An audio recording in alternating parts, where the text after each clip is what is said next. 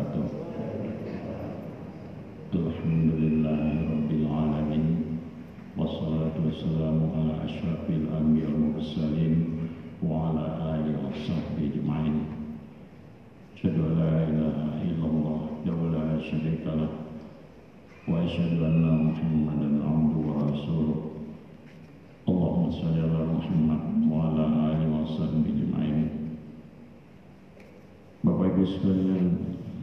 subuh yang insya Allah dimuliakan Allah Subhanahu wa Ta'ala. Pertama-tama, mari kita bersyukur dari Allah Subhanahu wa Ta'ala atas segala limpahan rahmat dan hidayahnya kepada kita sampai detik ini.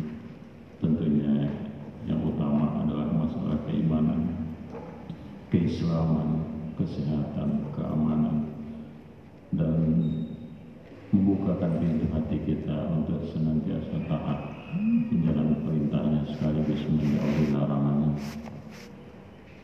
Pada kesempatan ini terlebih dahulu kita mendoakan tentunya kepada jemaah kita ya, seperti Pak Ustadz Ihsan yang saat ini masih dirawat di rumah sakit dan juga sahabat-sahabat atau jemaah lainnya semoga kiranya penyakitnya segera diangkat oleh Allah Subhanahu wa taala tanpa meninggalkan cacat.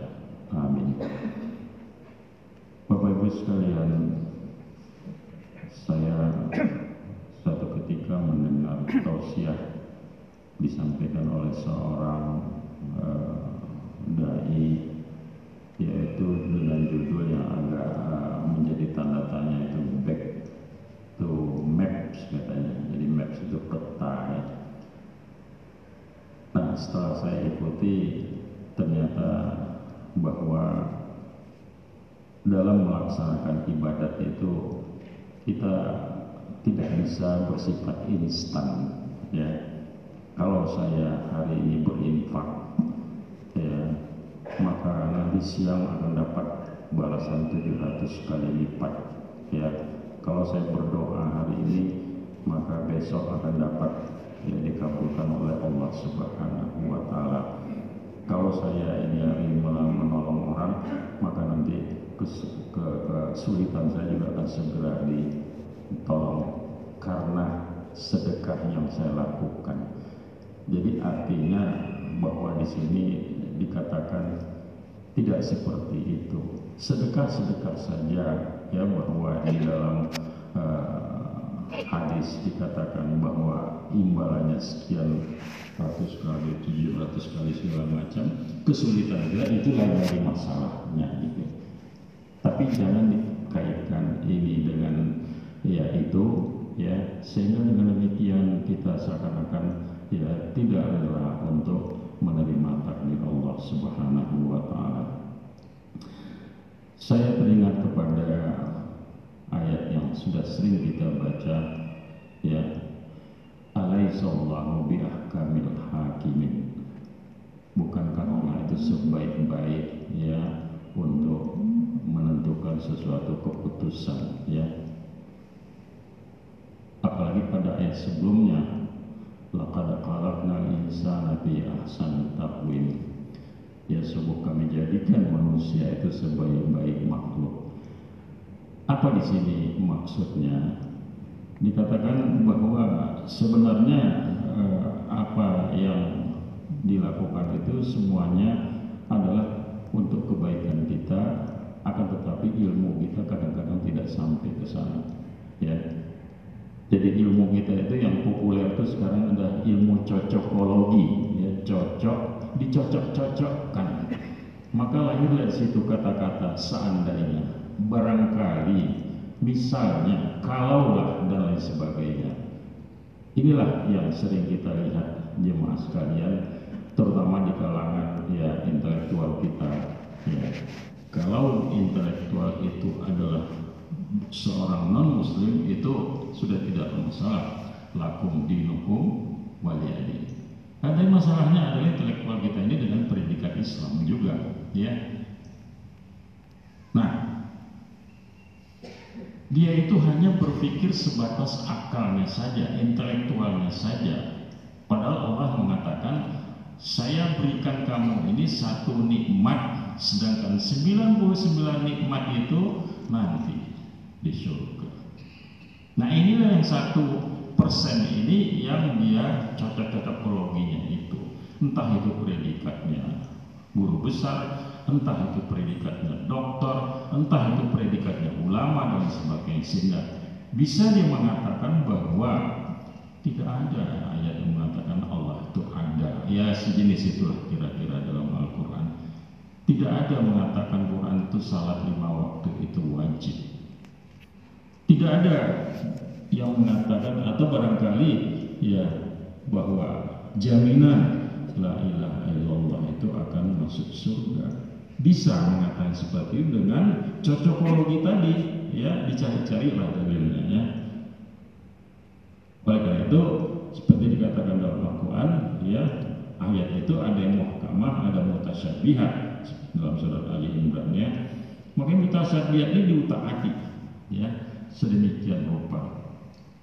Jadi kembali kepada yang pernah saya sampaikan ya Bapak Ibu sekalian ya kalau kita melihat kepada surat Al-Baqarah ayat 30 Al-Qala rabbuka lil malaikati ya ini ja'ilun fil ardi khalifah ya aku akan menjadikan khalifah muka bumi ini.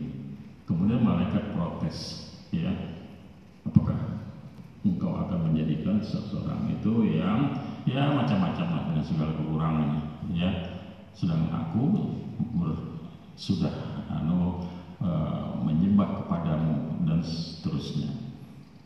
Nah kemudian pada ayat berikutnya dikatakan pada saat Allah memerintahkan untuk sujud kepada Adam maka sujudlah malaikat kecuali iblis. Artinya di sini apa? Isyarat bahwa memang musuh kita itu sampai kiamat pun ya tetap akan ada yaitu iblis atau syaitan ya sehingga dengan demikian bahwa di dalam tubuh kita ini tidak usah jauh-jauh selalu melekat adanya itu adalah iblis atau setan ya.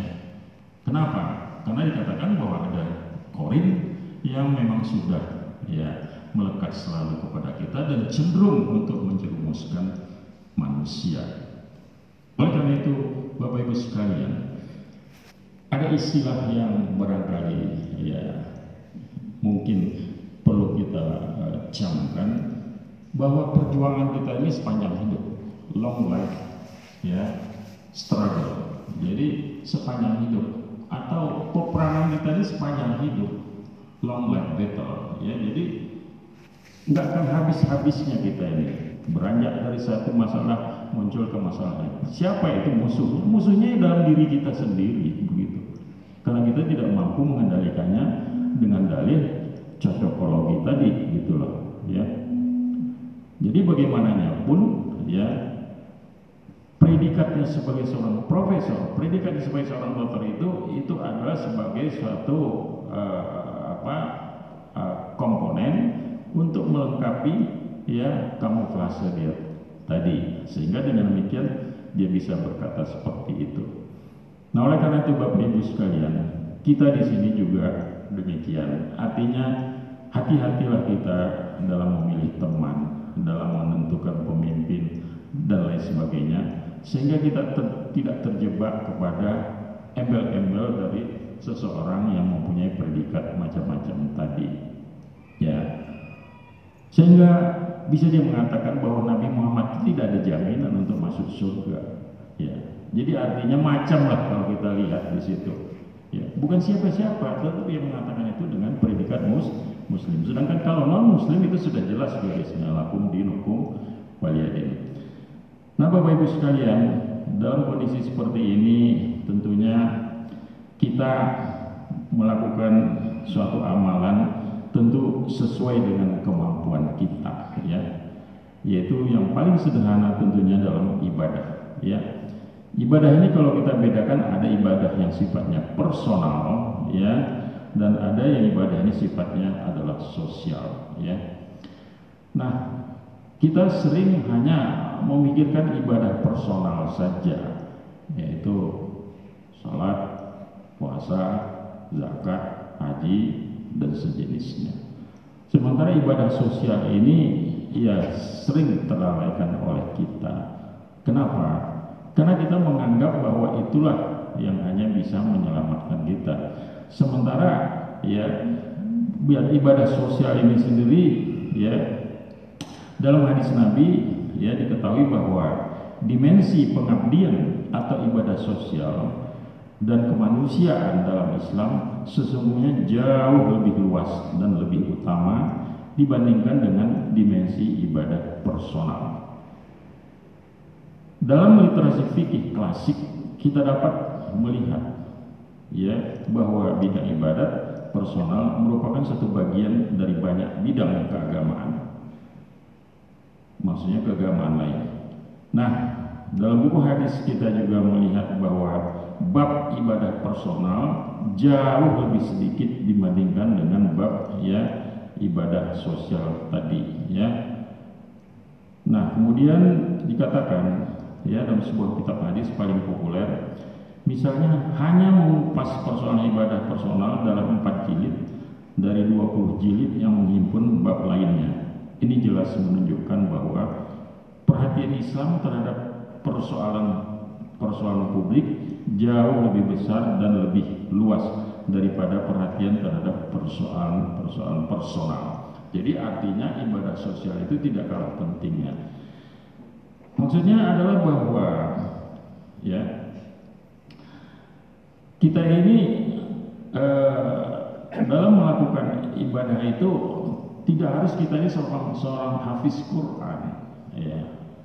Tidak harus kita ini hafal hadis itu baik ya. Kan tapi kadang-kadang kita merasa minder bagaimana nih saya sudah berusaha begini kok nggak bisa begini? Saya sudah berusaha begini nggak bisa begini? Sementara si A atau si B kita lihat itu hafiz segala macam. Karena itu sudah apa disesuaikan dengan fitrah kita ya oleh Allah Subhanahu wa taala. Jadi artinya bahwa bagaimana kita untuk ya memanfaatkan profesi kita ini untuk memberikan kemaslahatan kepada umat. Ditegaskan oleh Allah dalam surat Al-Isra ayat 84, ya maknanya katakanlah Muhammad, setiap orang berbuat sesuatu sesuai dengan pembawaannya masing-masing. Maka Tuhanmu lebih mengetahui siapa yang lebih benar jalannya Nah, relevansi memperdalam konsep ibadah ini ya di tengah modernisasi bahwa ya kalau kita berpikiran sempit tentunya kita hanya terfokus kepada ibadah personal tadi. Akan tapi kalau kita lihat bahwa banyak lagi ibadah-ibadah lain yang dalam menolong orang, membuat fasilitas umum, mengobati orang, mengajari orang dan lain sebagainya. Sehingga dengan demikian itu juga bersifat ya jariah. Ya. Oleh karena itu Bapak Ibu sekalian, dalam kesempatan ini saya ingin menegaskan bahwa ya kita selalu berusaha, tapi janganlah kita berpikir bahwa ya segala potensi yang ada pada kita itu tidak punya potensi, tidak punya apa-apa dibandingkan orang lain. Jangankan begitu, bahkan orang cacat saja pun mampu untuk berbuat sesuatu. Entah dia buta, dia hafiz Al-Quran, kemudian dia cacat mental, bukan cacat fisik dan sebagainya, dia mampu untuk berbuat sesuatu. Konon lagi kita Alhamdulillah diberi kesempurnaan seperti ini. Bapak Ibu sekalian, barangkali itulah penyegaran dari saya. Moga-moga bermanfaat. Lebih kurang saya mohon maaf. Bila taufiq wal Assalamualaikum warahmatullahi wabarakatuh.